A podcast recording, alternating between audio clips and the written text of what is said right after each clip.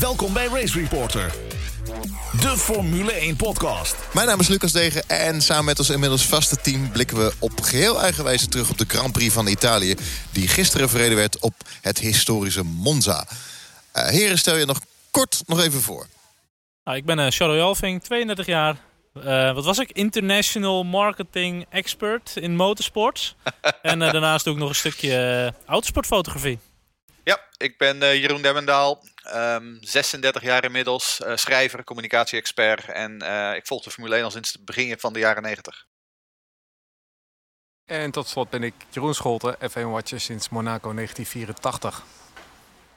Oeh, F1-watcher, dat klinkt wel uh, Ja, ik vond het ook zelfs heel leuk, ja. Je het Staat hij al in je Twitter-bio? Of, nee, nee, nee, Ben je ook International Motorsport-expert? Nee, daar ben ik altijd serieus. We hebben breaking news, we hebben de luisteraarsvragen... en natuurlijk het, het mooie gevecht tussen uh, Leclerc en Hamilton. Ik heb wel gesmuld, maar laten we eerst beginnen met het breaking news. Ze staan hier naast mij. Blikjes Rich Energy is ook te zien op ons uh, Instagram en Twitter. Posten we fotootjes zometeen. Haas en Rich voor de tweede keer uit elkaar. Ja, het klinkt een beetje als een hele slechte liefdesrelatie inderdaad. Waar je eigenlijk na een eerste ruzie toch weer bij elkaar lijkt te komen. En je probeert het nog één keer, maar uiteindelijk heeft het geen toekomst. En zijn ze inderdaad, nou ja, in de, in de media hebben ze gezegd dat ze volgens mij samen de, de, de samenwerking en de sponsoring hebben gestopt. Nou, iets wat al uh, volgens mij door Gunther Steiner ook al werd uh, bevestigd. Dat ze, dat, ze, ja, dat ze dit eigenlijk voor Singapore afgerond wilden hebben. Um, ja, en dit maakt er ook weer de weg vrij natuurlijk hopelijk voor een uh, nieuwe titelsponsor voor Haas. En een wel iets serieuzere partij. Ja, het enige wat we daar dan wel bij bij moet aan toevoegen is dat uh, de livery van, van Haas voorlopig nog wel even hetzelfde zal blijven. Uh, dus het goud-zwarte um, blijft, in, uh, blijft zoals we dat gewend zijn. dat komt omdat daar regels voor zijn. er is op dit moment geen indicatie dat ze daar dispensatie aan gaan vragen. Um, maar op termijn, wanneer er een nieuwe hoofdsponsor wordt vastgelegd, dan zal er uiteraard weer een nieuwe kleurstelling bij komen. Dan moet ik het zeggen dat ik die John Player Special-achtige livery ook niet heel lelijk vind om te zien hoor. Nee blijft toch wel iconisch. Maar goed, ja, we gaan het zien uh, wat Haas, uh, waar ze mee op de proppen gaan komen. De laatste berichten zijn wel dat ze al met een nieuwe titelsponsor bezig waren, slash zijn. En nou ja, Hulkenberg komt natuurlijk volgend jaar, dat is ook een beetje publiek geheim. Um, ja, ik denk niet dat die heel veel grote sponsors gaat meenemen, maar ja, we moeten het even afwachten nog. Ik had natuurlijk wel weer een uh, complottheorietje. Ik heb dus die blikjes gehaald in de Haarlem. Een van de vier uh, punten waar ze te koop zijn in Nederland. En die verkoper zegt dat het gewoon een, dus een faal was... omdat Red Bull uh, geen motor had. Dat het misschien Red Bull erachter zit om de Ferrari motor binnen te halen. Nu hebben ze Honda, dus... Ja, het schijnt ook dat de maanlanding nooit doorgegaan is, hè? nee, maar even serieus als, die, als dat waar is dat Red Bull weer achter zit, dan is het toch ook logisch dat ze zich terugtrekken. Want het is niet meer nodig, die constructie Ferrari motor. Of... Ja, of dat ze eigenlijk een soort van één team hebben, Toro Rosso, om talent te gaan kweken. Eén team Red Bull om talent te plaatsen. En alles wat geen talent heeft, zetten ze dan bij Haas neer. Gewoon puur omdat het kan. ja, dat klinkt op zich wel tof, ja. Ja, oké. Okay. Nou goed. Um... maar wat deed Kastri dan bij uh, Red Bull? Die had dan bij Haas moeten. Ja, eigenlijk wel. Goed. Okay. Charles Leclerc won eigenlijk, uh, ja, kan je dat zeggen, nu echt voor het eerst. Natuurlijk op Spa was uh, een gemixte overwinning. Je zag het ook aan hem afgelopen weekend hoe, hoe, hoe die ongelooflijk blij die was. Mooie overwinning, mooie race. Eerste zege op uh, Italiaanse bodem sinds Alonso 2010. Ja, en het mooie is gewoon dat bij iedere actie die je hoort of die je ziet, dat je dat het Italiaans publiek hoor je helemaal uit zijn plaat gaan op tv al. ja. Bij, als Hamilton eraf wordt gedrukt en als Bottas uh, de zoveelste fout maakt. Je ziet continu hoor je dat publiek in de achtergrond hoor je helemaal wild worden. Dat is toch wel iets, uh, iets heel speciaals van Monza, vind ik. En voor de rest, ja, uh, Leclerc deed natuurlijk, hij maakte natuurlijk wel een klein foutje, maar in principe ijzersterk weekend, hè? Weer. En wanneer we ook voor het laatst een, een wedstrijd gezien waarin eigenlijk uh, iedere ronde om de, leiding wordt gevochten. Hè? Want we hebben 53 ronden lang een gevecht om de, om, de zegen gezien. Um, dat vond ik heel erg mooi. En, en Leclerc rijdt nu uh, op het top van zijn huidige kunnen. En daarnaast heeft hij nog zoveel groeipotentieel. Dus voor de toekomst is het natuurlijk ook heel veelbelovend. Maar wat ik vooral mooi vind is dat de afgelopen vijf jaar heeft Mercedes gewoon gewonnen op Monza. Daarvoor was het uh, Red Bull, McLaren, uh, Red Bull. Moet je nagaan dat we bijvoorbeeld zometeen een Dutch Grand Prix hebben. Nou, dat duurt bijvoorbeeld zeven of acht jaar. En dat gewoon de eerste zeven jaar, acht jaar Max niet wint. Ja, dat is natuurlijk als, als met zo'n fanbase is dat natuurlijk iets wat je, waar echt wel naar uitkijkt dat er weer een overwinning komt zeg maar, van, jou, van jouw team. Maar het allermooiste vind ik nog wat Lucas ook een beetje net aangaf. Dat dit, dit was gewoon weer een waanzinnige wedstrijd. We hebben nu de eerste vijf, zes races waren helemaal, helemaal ruk. En daarna is gewoon de een na de andere klassiekers zien we gewoon voorbij komen nu. Waanzinnig. Een schitterend gevecht dit. je zou er bijna een complottheorie van kunnen maken. Dat het ineens de hele Formule 1 is omgekeerd. Iedere keer heb je dat gezeur over de regels. En de Formule 1 is saai geworden. En dit en dat en zus en zo. Maar uiteindelijk is het gewoon weer een geweldig seizoen aan het worden. Ja, eens. En vooral ook uh, Leclerc, die hem gewoon op eigen kracht heeft gepakt dit keer. Uh, gewoon voor Vettel in de kwalificatie, maar de race ook. Had Vettel niet achter zich die hem kon helpen met, qua strategie, qua rugdekking. Ja, wel respect dat hij hem alsnog heeft binnengepakt. Ja, en we hadden natuurlijk aan het begin hadden we, waren we ontzettend. Uh, zo hadden we heel veel zorgen over de dominantie van Mercedes. Maar als je kijkt naar de laatste zes races, daarvan heeft Mercedes er maar twee gewonnen. Um, en uh, ze hebben er ook geloof ik maar drie keer daarvan hebben ze op pole position gestaan. Uh, dus er begint nu daadwerkelijk gewoon een, een gevecht uh, met drie teams te komen. Um, en ook wederom richting 2020 heel veelbelovend. Maar ook als je ziet hoe sterk Mercedes altijd uit die winterstop komt, jongen. Als je die wintertest ziet, ze tikken die rondes achter elkaar af. Die afstelling is al zo goed, die motor is zo goed. En Red Bull is van origine natuurlijk ook wel wat later dat ze op gang komen. Nou, Ferrari dit jaar dus blijkbaar ook dat ze er wel weer een beetje bij komen nu. Ik denk dat uh, de rest van het seizoen nog wel mooi kan worden. Niet voor het kampioenschap, maar wel voor de overwinningen. Ja, wat betreft die motor trouwens, ik, het viel me wel op hoe ongelooflijk sterk die, uh, die Ferrari is. Uh, die acceleratie uit die parabolica iedere keer van Leclerc. Het is echt niet te geloven. En ik las eerder vandaag dat Mercedes dus, ondanks wat er gisteren beweerd werd, niet aan het inhouden was. En dus gewoon met hun maximale vermogen reden. Um, en, en nog steeds, zelfs met DRS konden ze Leclerc niet bijhalen. Dat, daar stond ik ook wel echt van te kijken. Het, mooie vind ik ook dat die hele nieuwe generatie coureurs, en dan met name Max Verstappen eigenlijk, die heeft van alles veranderd in deze sport. Want uh, zoals gisteren geraced werd door uh, Leclerc, was ernstig op het randje. En dat is eigenlijk uh, de laatste jaren zie je dat steeds vaker. Als iemand buiten omkomt, wordt hij helemaal op het randje geduwd. Je ziet dat mensen in de remzone nog uh, lichtjes, uh, al dan niet lichtjes, van uh, richting veranderen. Het racen wordt harder. Dat is iets wat Verstappen geïntroduceerd heeft. En dat is iets wat de FIA, die is daar nu wel heel erg mee bezig. Hè. Er is een discussie op gang gekomen en de FIA heeft gewoon, uh, die is gewoon wat soepeler geworden. En die heeft uh, gewoon zijn tolerantie verruimd. En nu is die zwart-witte vlag er dus gekomen voor Leclerc. Uh, een waarschuwing van dit mag één keer, maar daarna mag je het niet nog een keer doen. Nou, prima. Dat heeft gewoon uitstekend gewerkt. We hebben een geweldige wedstrijd gezien. En nou ja, eigenlijk moet ik toch wel eerlijk zeggen... dat Verstappen heeft die sport gewoon veranderd. Nou, ik vroeg me af, het kan aan mij liggen, maar ik, de zwart-wit vlag... Wanneer is die voor het laatst nou, geweest? Die, vlag was er eigenlijk altijd al. Die heeft ik heb hem nog nooit gezien of gehoord. Alleen, die is er nu door de FIA geherintroduceerd. Dat die weer vaker gebruikt gaat worden. Omdat ze uh, niet meteen willen straffen. En uh, dan hoor ik Hamilton achteraf hoor ik dan blaten over... Uh, waarom zijn de regels veranderd sinds vorig jaar... toen Verstappen wel een straf kreeg voor een soortgelijk vergelijk. Nou ja, de FIA is gewoon wat soepeler geworden. En hebben ze aangekondigd. En de teams weten dat. Ja, dat is dus het rare. Dat Hamilton inderdaad speelt alsof hij hiervan niks van af weet. Terwijl Michael Masi afgelopen dinsdag um, dus inderdaad publiekelijk bekend maakte dat uh, inderdaad per Spa die zwart-witte uh, uh, vlag weer teruggebracht is. Die hebben ze voor het laatst in 2010 gebruikt. Daarna is die inderdaad een beetje verwaarloosd. Um, maar alle teams um, en alle rijders moeten dit geweten hebben, want het is in overleg met hun gebeurd. Um, ik vind het in principe een goede, uh, uh, een goede maatregel. Wat ik wel vind is dat de FIA een communicatieprobleem uh, heeft. Ik denk dat de VIA en Liberty ook hè, in de tv-uitzendingen dit soort dingen beter moeten communiceren. Uh, ik zat te denken, misschien kun je vooraan van iedere race een korte samenvatting van de nieuwe regels voor deze race uh, introduceren. Want daar, daarmee, dan haal je ook die onduidelijkheid en die frustratie weg. Je kunt gewoon een kort factbox onder in beeld hebben van vanaf deze race is de zwart geblokte de zwart-witte vlag weer terug. Bij wijze van spreken. Ja, eigenlijk een beetje kort wat uh, tijdens de riders briefing ook wordt besproken. Van joh, let hier op die curbs, let hier op die vlag, dit gaan we doen. Ja. Uh, weet je wat, uh, wat, wat speelt er op dat moment? Maar wat ik wel mooi vind, is dat Leclerc, die heeft inderdaad, en dat gaf je ook toe in Oostenrijk, wel een beetje lesje geleerd van Max. Van, oh joh, je kan ook best wel hard aan de kant gezet worden als je daar aan de buitenkant zit.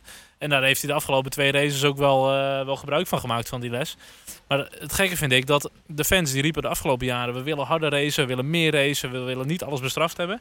En nu uh, laten ze het racen en dan gaan ze het weer vergelijken met vorig jaar. Van ja, Max die kreeg geen straf. Dan denk ik, jongens, laat dat los. Ga ook niet vergelijken en geniet gewoon van het, het spel wat voor je gebeurt. Maar daar is dus ook wat ik bedoel. Ik denk dat daar de FIA gewoon duidelijker en transparanter moet zijn. Hè? Want Gasly kreeg schijnbaar de zwart-witte vlag al in België voor een, een soortgelijk uh, vergrijp waarvoor Leclerc kreeg. Nou, ik heb het gemist. En schijnbaar de rest van de wereld ook. Toen Masi afgelopen dinsdag zijn interview gaf, Um, niemand heeft dat schijnbaar meegekregen, want anders had je die ophef gisteren niet gehad.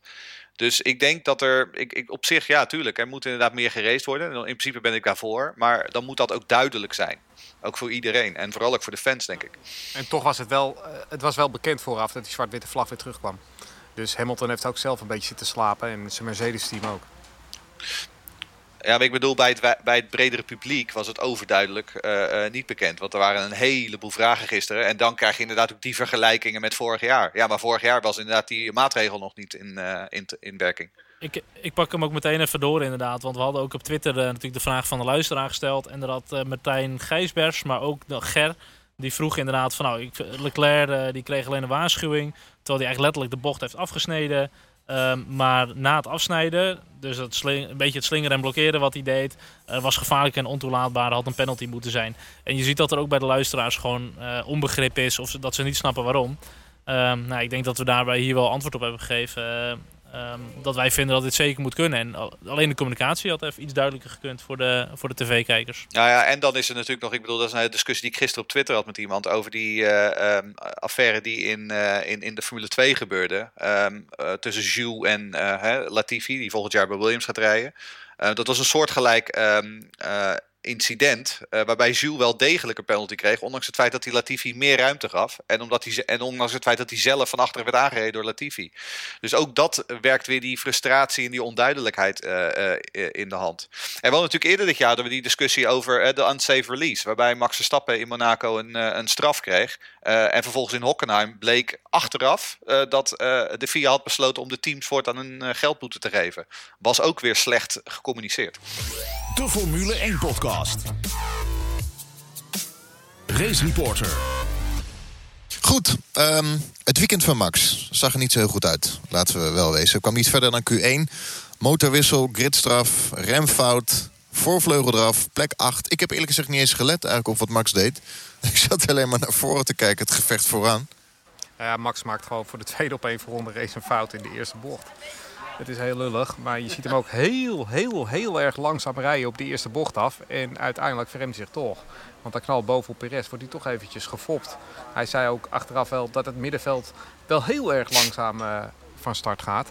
Maar uh, ja, uiteindelijk uh, moet hij wel beter opletten, want volgens mij was hij rente zat. Maar ik moet zeggen, Um, Monza is daar wel heel kenmerkend voor dat ze vol gas richting die eerste bocht gaan. En dat is echt een, een mega knijpende herpin. Ik heb het zelf ook wel gehad hoor, met simracing. Uh, dat, je, je, nou, dat reed ik ook vaak achteraan. Maar hij ging niet vol gas hè? Nee, maar dan reed ik ook vaak achteraan. En dan zie je dat, je ziet ze remmen en je denkt oké, okay, ik moet hier heel langzaam doorheen. Maar uiteindelijk staan de achterste gewoon bijna praktisch ja, die stil. stil ja. En dat, ik denk dat hij dat even verkeerd ingeschat heeft. Kijk, hij heeft dit niet heel vaak zo meegemaakt en helemaal niet op Monza. Nee, um, dus misschien nou, moet je zelfs terug, terug naar zijn één misschien. Maar in de Formule 2 en in de Formule 3, uh, de races eerder de, uh, van de gedurende het weekend, uh, gebeurde exact hetzelfde. Als Max even ergens een, een tv aan had gezet, dan had hij dit kunnen zien. Kijk, het grappige, ik zat er hier aan te denken, want in onze Spa-voorbeschouwing toen zei ik, het is even, wachten, even afwachten hoe iedereen uit de zomerstop komt. en ik denk dat met Max het antwoord is een beetje stroef.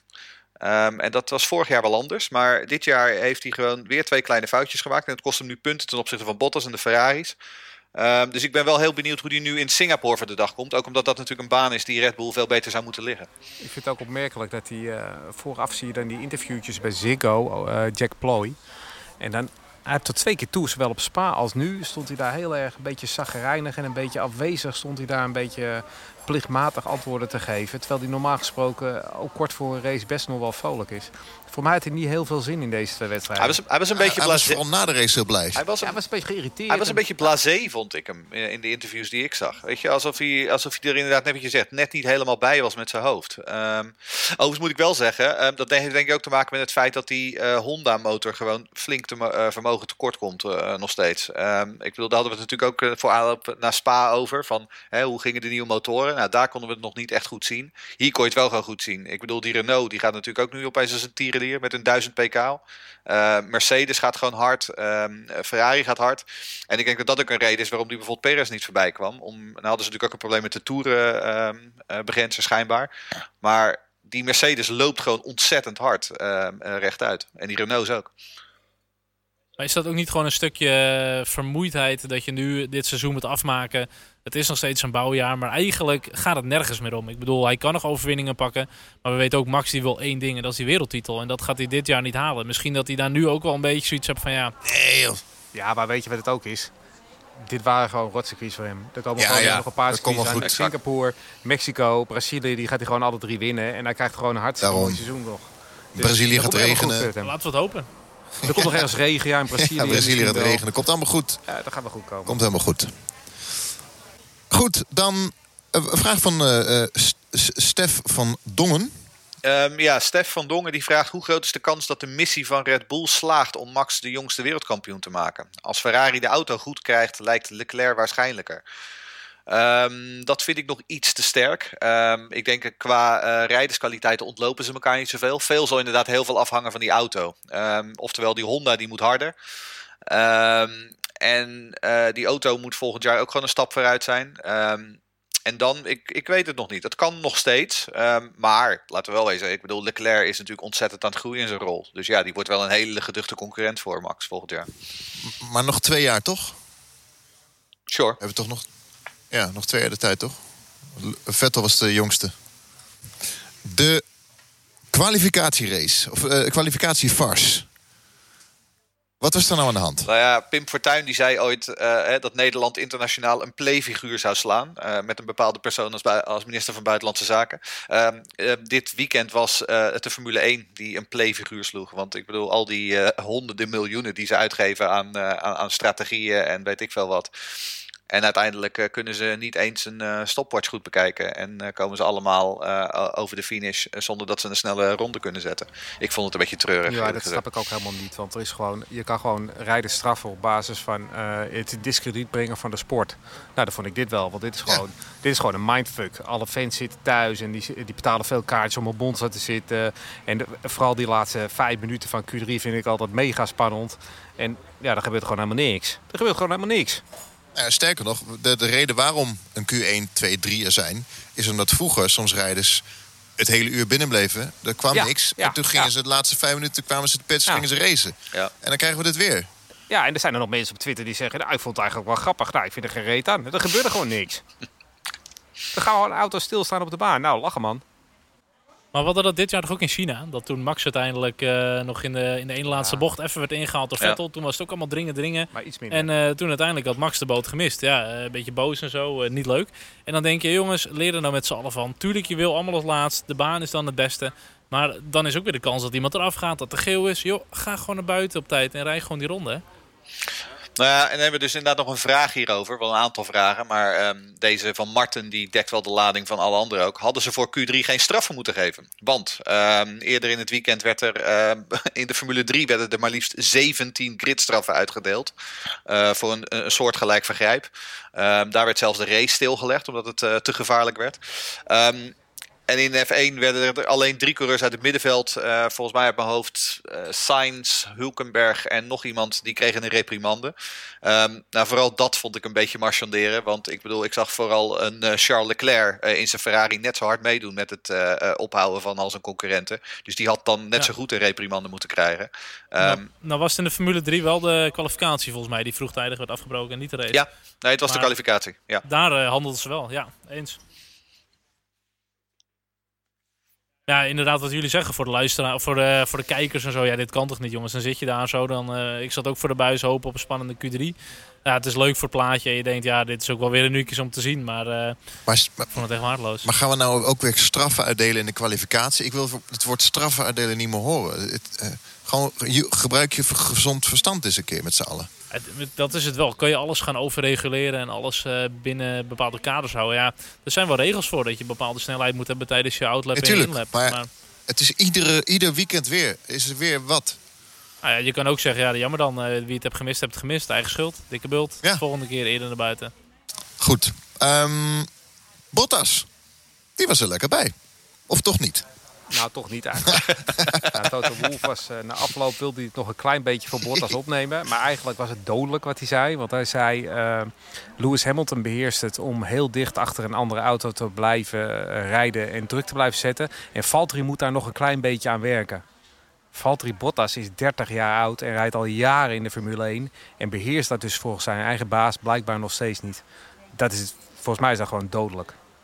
Ja, ik ben er helemaal stil van, jongens. Ja, maar, maar um, als, als we het toch even hebben over kwaliteiten van een rijder. Ik bedoel, Sebastian Vettel spint van de baan. Um, nou, hij stond op het gras. Daar ja, rende die. Als hij naar achter was gerold, was er niks aan. Rijdt hij terug de baan op. Het, het feit dat hij überhaupt daar spint. Ik heb nog nooit iemand in die bocht zien spinnen. Behalve koeltijd in de opwarmronde. Maar daar heeft het even niet over. Maar ook gewoon tweede jaar op rij. Dat hij gewoon zijn hele race gewoon zo weggooit. Ja, dat is gewoon zonde. Voor Ferrari, maar voor zijn eigen carrière ook viervoudig wereldkampioen. En hem dan zo neerzetten daar. En dan ook zo knullig de baan weer oprijden. Ja, dan denk je echt, hoe heeft die jongen ooit vier wereldtitels gehaald? Maar hij, reed niet eens, hij, zat, hij was niet eens in strijd met de rijder. Hij spinde gewoon ongelooflijk. Nou ja, het gebeurde in de variant Ascari. Hè. Dat is een uh, vrij hoge snelheidsbocht. Links, rechts, links. Uh, die gasten rijden daar ongeveer 240, 250 aan het uur. Um, en dan een week nadat iemand in Spa doormidden geboord wordt in zijn auto en zijn leven verliest, dan doe je dit. Um, ik, ik snap er echt helemaal niks van. Zeker niet wat je zegt van een viervoudig wereldkampioen. Het is zo gevaarlijk om zoiets te doen. Um, en het team had, Sepp had ten eerste veel beter moeten weten. Ten tweede had het team, die hebben een monitor voor zich waar ze de positie van alle andere auto's op de baan kunnen zien. Die hadden hem daarbij kunnen helpen. Ja, dan had hij 17e, 18e gelegen. Maar dan was hij ook zijn voorvleugel niet kwijt geweest. En um, dan had hij uh, geen penalty gehad. Dan had hij dus gewoon door kunnen rijden. Um, dus nee, ik vond het onbegrijpelijk. Ah, ik, je hoort vaak bij uh, NASCAR en IndyCar van de check your behind, check, check your uh, left, check your right. In spotters. Dat, spotters, ja. Waar, ik, dat, ja. Is het gezegd? Hebben we het niet gehoord? je moet, moet, iemand moet toch zeggen, Vettel, rij achteruit of... Ja.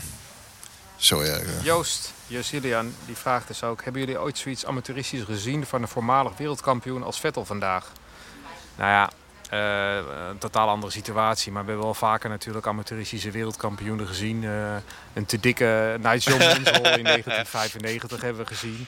Damon Hill. Nee, Damon Hill niet. Daar ga ik nooit nee, je, hebt de echte luckies. je hebt de echte luckies. Zoals een Jensen Button die één goed jaar hebben gehad. Nou, ja, maar uh, ook, weet je wel, maar een viervoudig Schumacher. Nee, maar Schumacher nee, heeft met Mercedes ook fouten gemaakt hoor. Ja, maar Hamilton die, uh, met Ligate toen, dat was ook heel amateuristisch natuurlijk. Dat hij, uh, ondanks dat de radio calls vrij waren gegeven, bleef maar volhouden dat het allemaal niet zo was gebeurd en zo. Dus er zijn wel meer amateuristische dingen geweest. Maar dit was wel echt... Maar ja, dit is gewoon een, fout op de baan. En, en, ik moet eerlijk zeggen dat de fout die hij maakte in Silverstone... toen hij zo achter Verstappen reed, te dicht achter Verstappen... dat was ook al erg knullig. Hè? Dat is ook een rookie mistake die hij maakte. En ja, het zijn er te veel. En eigenlijk als je terugkijkt sinds uh, Baku 2017... waar die expres op, uh, op Hamilton inreed... sindsdien hebben we wel meer van dat soort uh, errors gezien. Sommige zijn wat erger dan andere.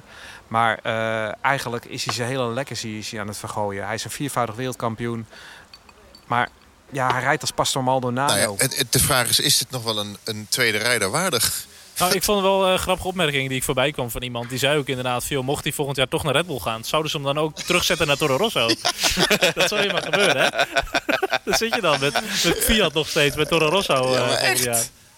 Ja, maar kom op, Jeroen Demmendaal, jij zegt het is uh, een moeilijke bocht. Maar ja, je zal lachen, maar ook tijdens het simracen ben ik nog nooit in deze bochten afgevlogen. Ja, het, hoe dan? Ik bedoel niet eens dat het een, zo, uh, het is een moeilijke bocht, ja. Maar wat maar vooral mij, bij mij trof, het is niet een van de langzamere chicanes. Het is een hoge snelheidsbocht. Als je, als je kijkt naar de gemiddelde snelheden door die bocht heen, die zijn echt hoog. Dus als je er dan achterstevoren spint en vervolgens in het gras rijdt... Ehm, om dan, gewoon, om dan gewoon zonder te kijken en zonder uh, na te denken, gewoon maar weer vol die baan op te rijden. Ik, ik snap er helemaal niks van. Nee, maar, ik, maar dat zijn twee, eigenlijk twee losse dingen. Ik heb het nog niet eens over terug de baan oprijden, want dat is natuurlijk belachelijk. Maar dat hij überhaupt daar spint, maar niet een kleine spin correctie. Nee, hij is zijn hele auto kwijt. Ja, maar die Ferrari is heel gevoelig aan de achterkant. En dat is voor hem heel lastig gewoon. Dat is, ja, ik, dat is kijk, ik heb makkelijk praten natuurlijk. Maar... Wat ik overigens wel heel fijn vind, is dat ik wel nu weet, hè, nou, waar, waar wij het vorige week over hadden, Charles, wat gaat Ferrari met die dronken Baviaan doen? Nou, die hebben ze dus in de uh, regiestoel gezet voor deze wedstrijd. Want op het moment, echt, echt, op het moment dat, dat Vettel hem verliest, gaat de regie gewoon doodleuk naar het publiek toe. En laten stel uh, Italianen die door het, uh, door het dolle heen zijn zien. die regie was echt all over the place gisteren. Maar ik had zelf door. Ik heb dan ook, uh, ik kijk gewoon op tv en dan heb ik F1 TV Pro aan. De onboard van Max kijk ik vaak, dat je gewoon altijd ziet wat er bij hem gebeurt.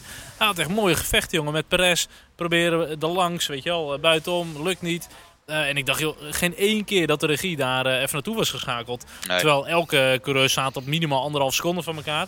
Dat je denkt, waarom laten ze dit niet zien? Ik vond het echt heel bizar hoe de regie handelde. ze, hadden alleen, ze hadden alleen maar oog voor die Ferraris. Nog een vraag binnengekeken van Rick zinnige. Zeg ik dat goed? Zeker. Ja, oké. Die zegt uh, uh, Vettel verruilen voor Ricciardo. Ja. dat zou ik niet doen als ik Renault was. nee, ze Oké, nee. Ja. Nee, ik vond juist die van, uh, van Chris de vraag wel goed. Uh, die zegt, als dit zo doorgaat, verwachten jullie dat Vettel, ondanks contract, nog bij Ferrari wil blijven volgend jaar? Uh, het is eigenlijk al het hele seizoen geen happy, happy combi, geen, geen goede combinatie. Um, ja, ik, kijk, Ferrari wil altijd sowieso al één oud wereldkampioen in hun team hebben. Gewoon een stabiele factor. Um, en ik, ik toch, vond toch Vettel, het leek bijna alsof hij zich er een beetje in aan het berusten is. Dat hij niet meer zo snel is als een Leclerc, niet meer zo gretig. Uh, en hij, hij probeert het, maar ook hoe ik op die teamfoto zag, hij zag er wel een beetje, een beetje treurig uit.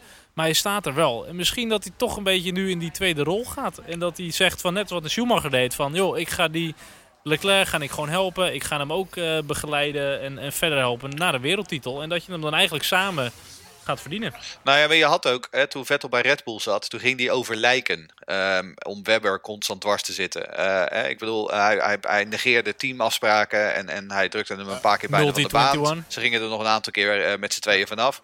Hij was veel, veel meer, um, uh, die killer instinct, die had hij toen veel meer nog. Als je hem nu ziet inderdaad, dat is hij helemaal kwijt. Maar zou het dan toch zijn dat je toch een beetje de familieman wordt? Hij heeft inmiddels twee kids, hij heeft de wereldtitels binnen. Hij weet dat hij het nu niet meer gaat redden, misschien bij Ferrari. Joh, hij zit toch op een prima plekje. En als je nu gewoon uh, wel lekker gaat rijden... Misschien moet die druk er ook een beetje af bij hem. Want ik denk dat dat hem op dit moment gewoon nekt. Hij, hij maakt daardoor gewoon te veel fouten.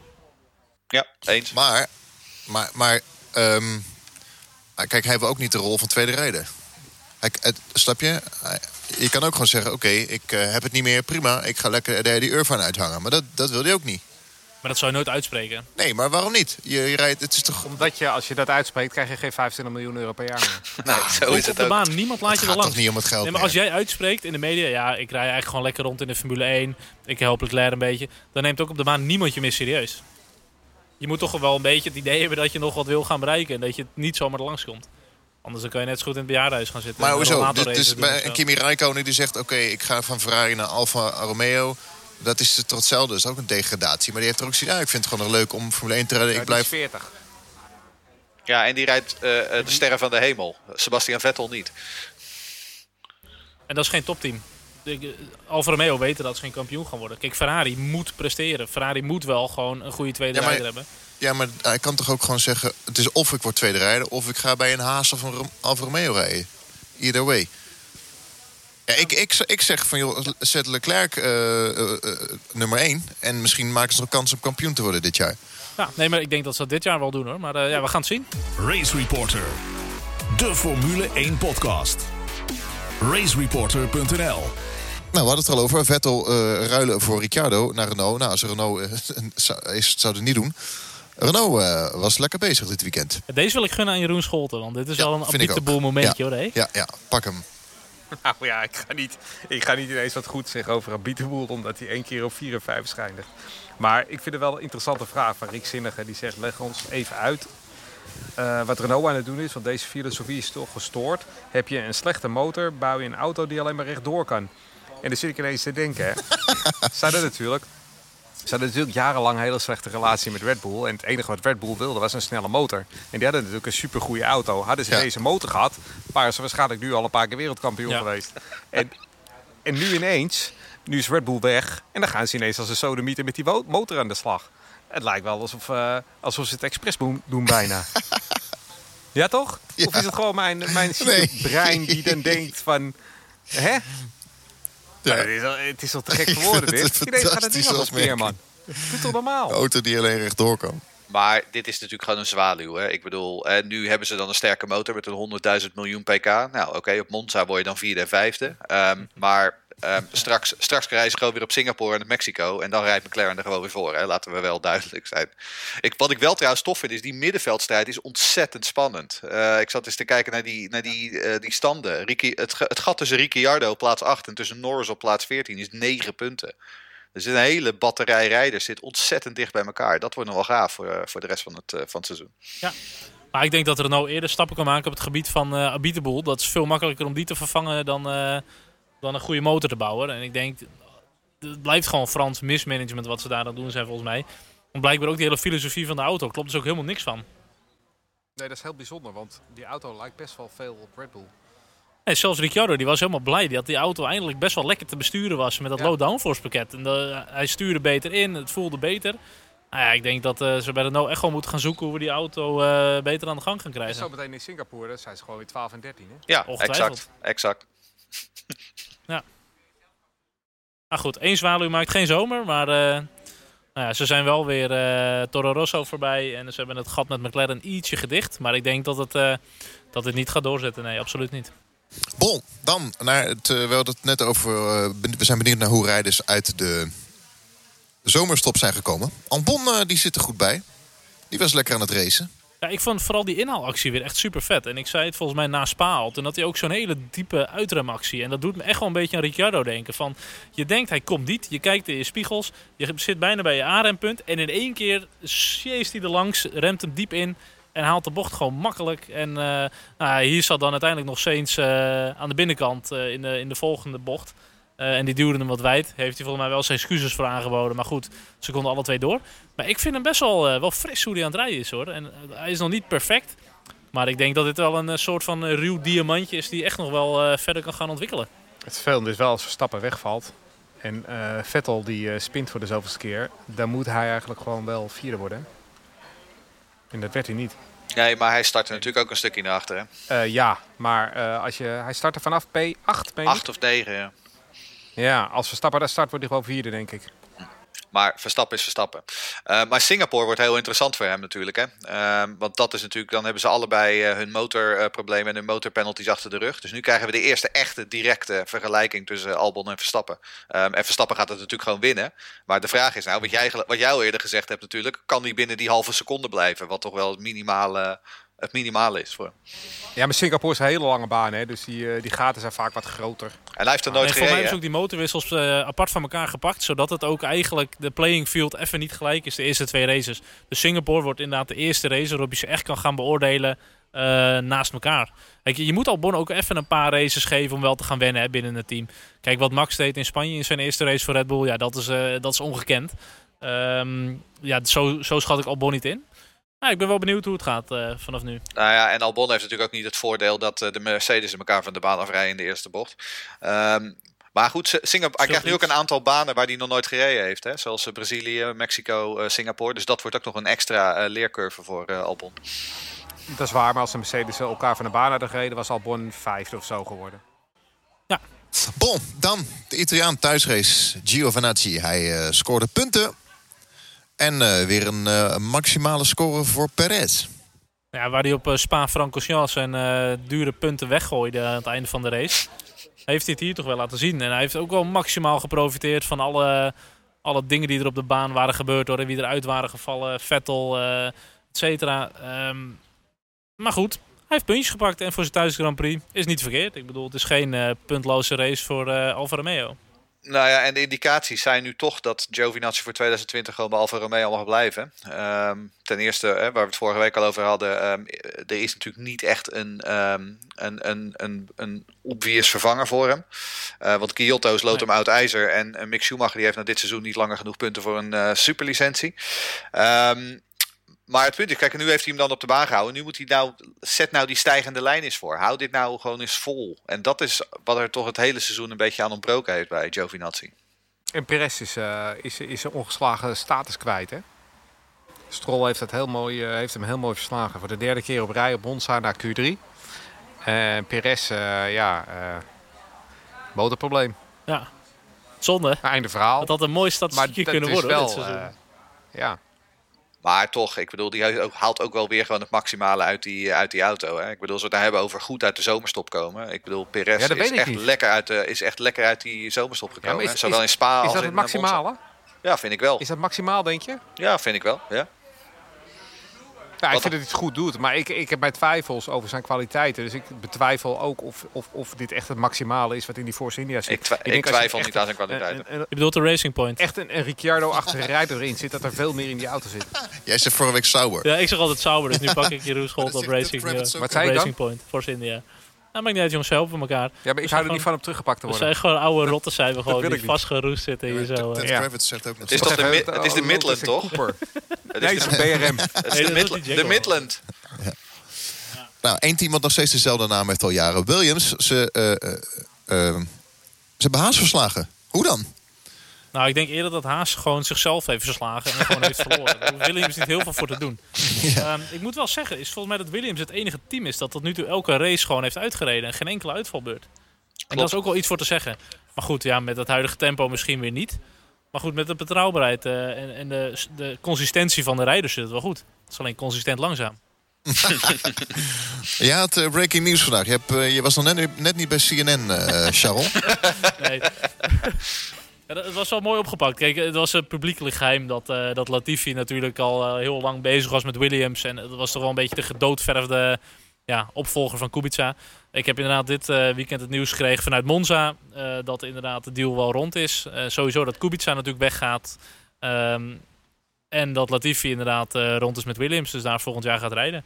Ja, zelf ben ik er niet heel erg blij mee. Want ik, eh, als ik ook zijn cv kijk in de racerij. Ja, ik vind het echt eh, om te huilen dat dit de Formule 1 mag halen. Kijk, dat hebben we eerder gehad hoor, met jongens als Stroll en zo. Maar ik blijf me er gewoon over verbazen dat het kan.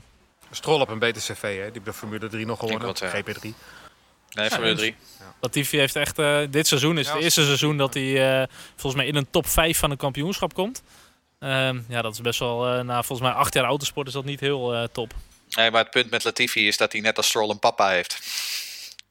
Ja, die is nog rijker dan Stroll. En met geld. Ja, dat exact, belangrijker. Ja, nee, maar exact. Kijk, en ik gok dat inderdaad Williams, die hebben gewoon gekeken hoeveel kunnen we bij Orlen, eh, de Poolse oliemaatschappij, lospeuteren.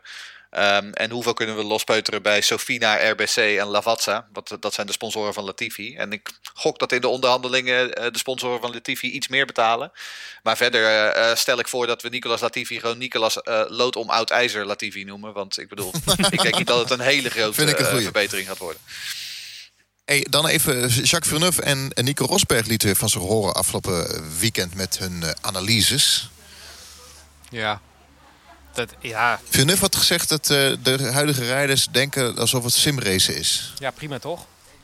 Dat mag hij toch zeggen? Maar dat, En- dat en- is en ook heus wel een beetje zo. Dat de jongens die stappen in. En het gevoel van gevaar zoals dat er vroeger was. Dat is er op dit moment eh, minder. Ehm, ja, en ik denk dat zo'n weekend als vorige week. Dat dat ze wel raakt inderdaad. Kijk, ik vind de vergelijking misschien net even te simpel. Maar goed, we hebben het zelf ook al eens eh, gezegd. Het lijkt eerder simulator racen met alle knopjes en settings en dingen sparen. En eh, het echte racen, wheelbangen, eh, inhalen, gevaar. Ja, dat is minder. Nou, het, is vooral dat verhaal met Rosberg, dat begrijp ik niet zo.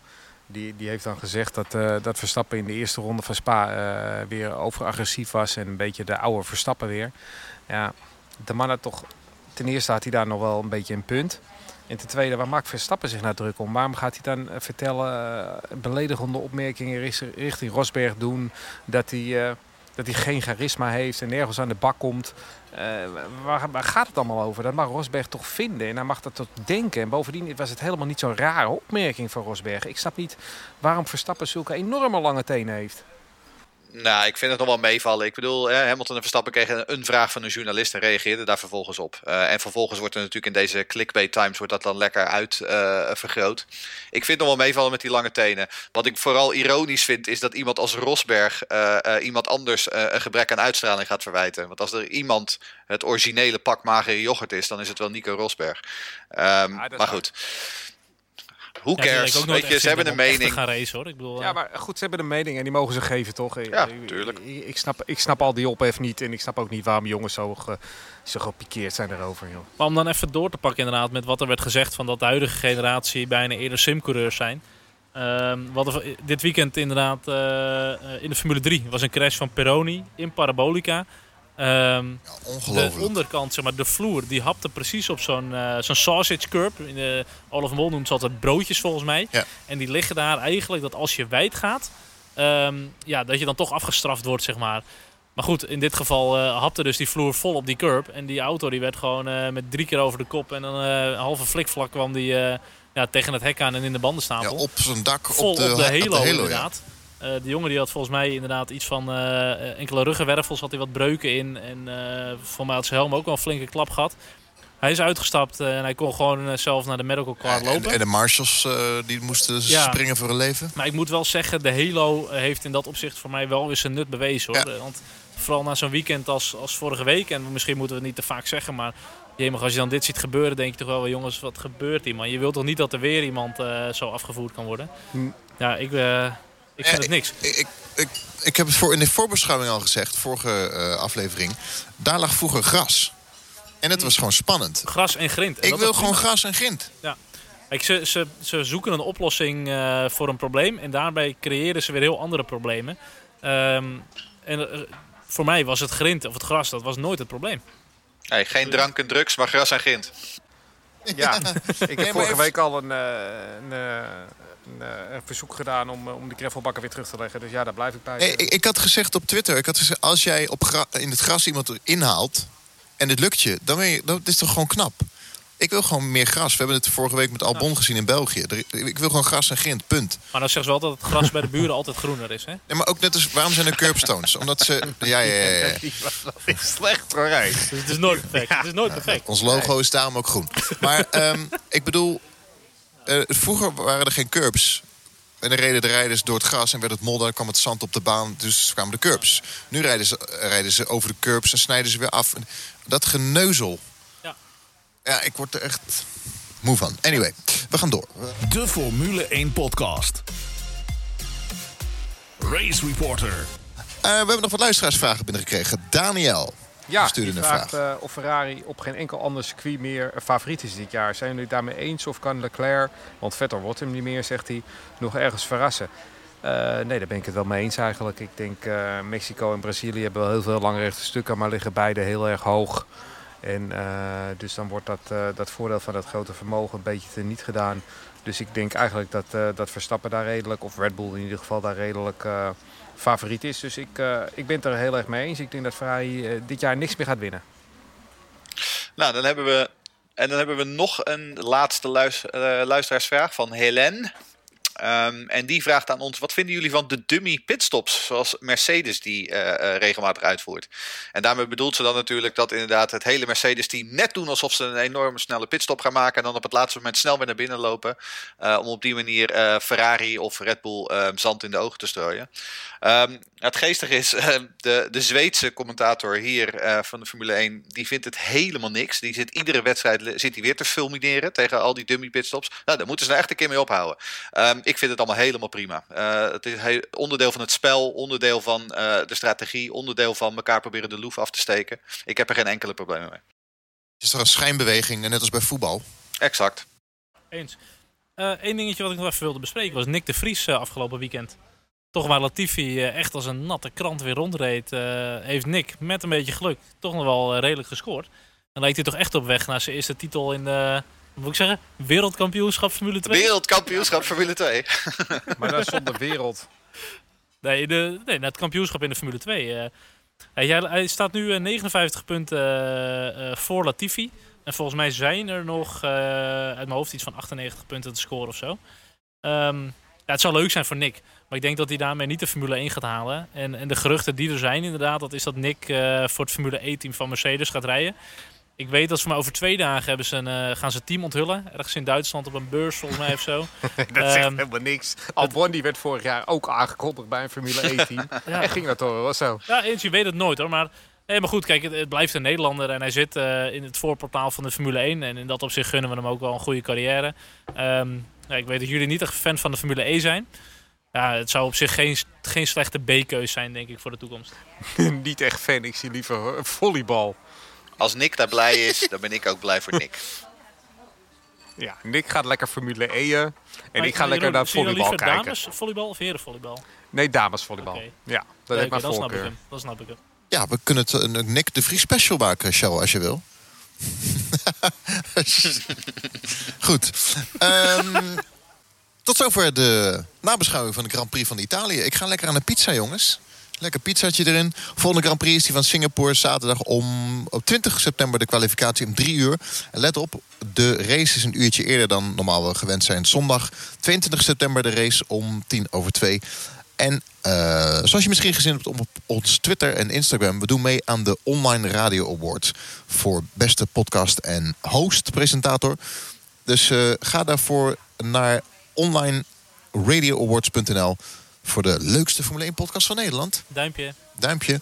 En ehm, nog even donaties, eh, donateurs eh, bedanken. Twee super suppo- supporters, Esther en Misha. Hartstikke bedankt. Dat kun je allemaal vinden op onze website racereporter.nl. Eh, like, share, doneer, reageer. racereporter.nl. En Charles wil nog wat zeggen.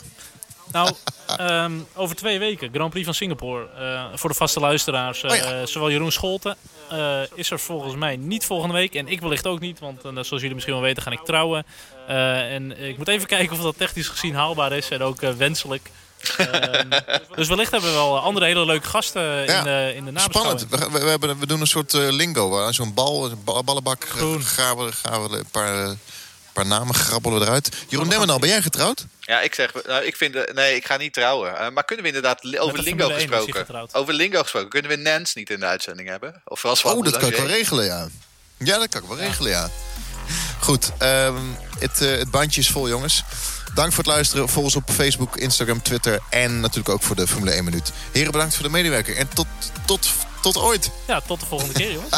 Volgende week bij de voorbeschouwing. Oh ja, tuurlijk. Ja, die hebben we nog wel inderdaad. Die Ah, doen we ja, nog wel ja, even, ja. ja. Ja, die doen we nog wel. Precies. Precies. Ciao. Oké. Ciao, Belle.